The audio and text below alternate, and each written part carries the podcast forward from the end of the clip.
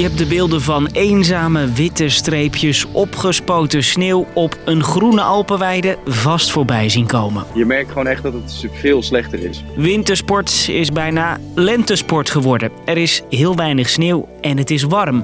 Klimaatverandering was niet eerder zo zichtbaar op de Europese pistes. Momenteel moet je wel zeker boven de pak een beetje 2, 2300 meter zijn om echt een, een, in een witte wereld te zitten. Is dit een voorproefje van hoe wintersport eruit ziet in de toekomst? En is er een toekomst? Ik ben Marco en ik leg het je uit. Lang verhaal kort. Een podcast van NOS op 3 en 3FM. Wanneer gaat u? Ehm, aanstaande woensdag. Oh jee. Ik schrok er wel een beetje van ja, toen ik die beelden zag. Ik denk dat op een gegeven moment, eh, zeker in Oostenrijk, dat het eh, steeds moeilijker wordt. Mensen die de skis nog in moeten pakken voor een tripje naar de bergen zijn niet blij. Er ligt weinig sneeuw in populaire skigebieden. Vooral op plekken wat lager in de bergen zie je het gras nog naast de piste staan. Skileraar Luc merkt er alles van in Oostenrijk. Wij hebben van die temperatuurmeters bij elke eh, lift. En dan staat er bij sommigen staat er gewoon 20 graden. En die staat er natuurlijk in de zon. Maar dat is niet normaal dat daar 20 graden op staat. Elke winter hebben skigebieden te maken met wisselende pakken sneeuw. In het ene dorp valt veel, de ander moet het met minder doen.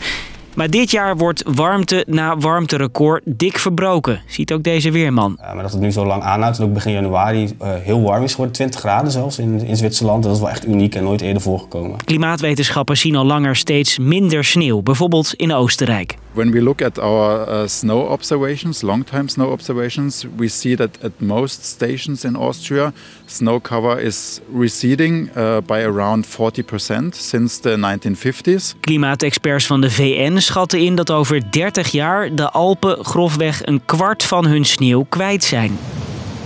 De sneeuw verandert in regen. Gebeurt ook nu al, merkt Luc. Ik heb denk ik de afgelopen twee weken heb ik denk ik twee keer in de regen geskiet. En dat, ja, je merkt gewoon, het, het trekt wel plezier uit, uh, uit, de, uit het skiën zelf weg. En dan nog kunnen de bergen het ene jaar vol poedersneeuw liggen en het andere jaar is het skiseizoen weken korter.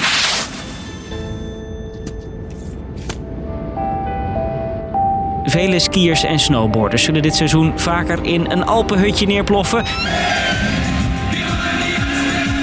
Want het is geen best seizoen op de piste. Maar als het niet uit de lucht valt, kan de techniek dan niet een handje helpen.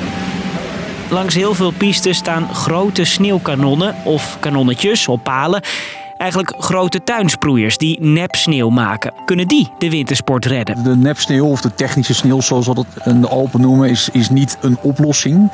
Dat is echt een hulpmiddel. Je hoort Arjen van de Nederlandse skivereniging. De kanonnen gaan regelmatig aan om de sneeuwlaag wat dikker te maken. Dat zijn vaak dan de laatste afdalingen naar het dal. Of het zijn cruciale verbindingsstukken bijvoorbeeld in een gebied. Maar het zijn eigenlijk nooit echt complete skigebieden die zo worden gefabriceerd eigenlijk. Daar zijn we toch echt wel heel erg afhankelijk van moeder natuur. En of die kanonnen in de toekomst überhaupt vaker kunnen draaien, dat is maar de vraag. Nepsneeuw maken kost heel veel water en heel veel stroom. En daar is steeds meer kritiek op. De laatste is er een uitspraak geweest in Frankrijk... waarin de aanleg van een groot waterbassin in de bergen uh, is verboden door de rechter vanwege de impact. Uh, dus, dus daar zal een balans gevonden moeten worden tussen milieu en economie slash toerisme.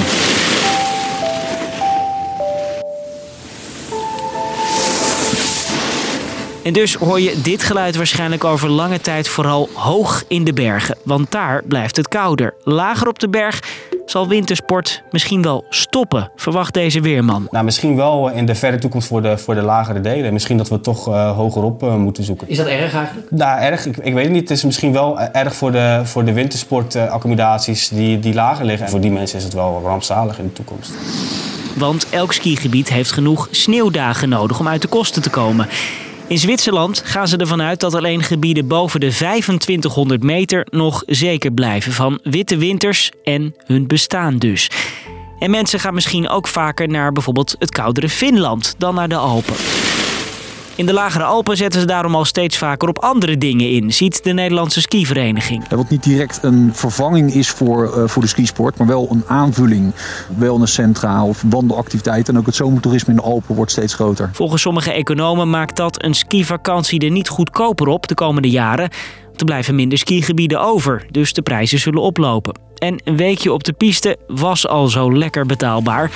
Al denkt de skivereniging dat de prijzen voorlopig niet hoger worden. Ik denk dat dat echt nog wel heel erg lang duurt. Daarbij is het ook zo dat het meeste aanbod is ook te vinden in die hoger gelegen skigebieden.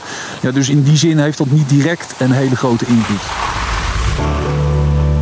Dus lang verhaal kort. De Groene Alpenwei zie je nog steeds in de Alpen, ook al is het volop winter en ligt weinig sneeuw.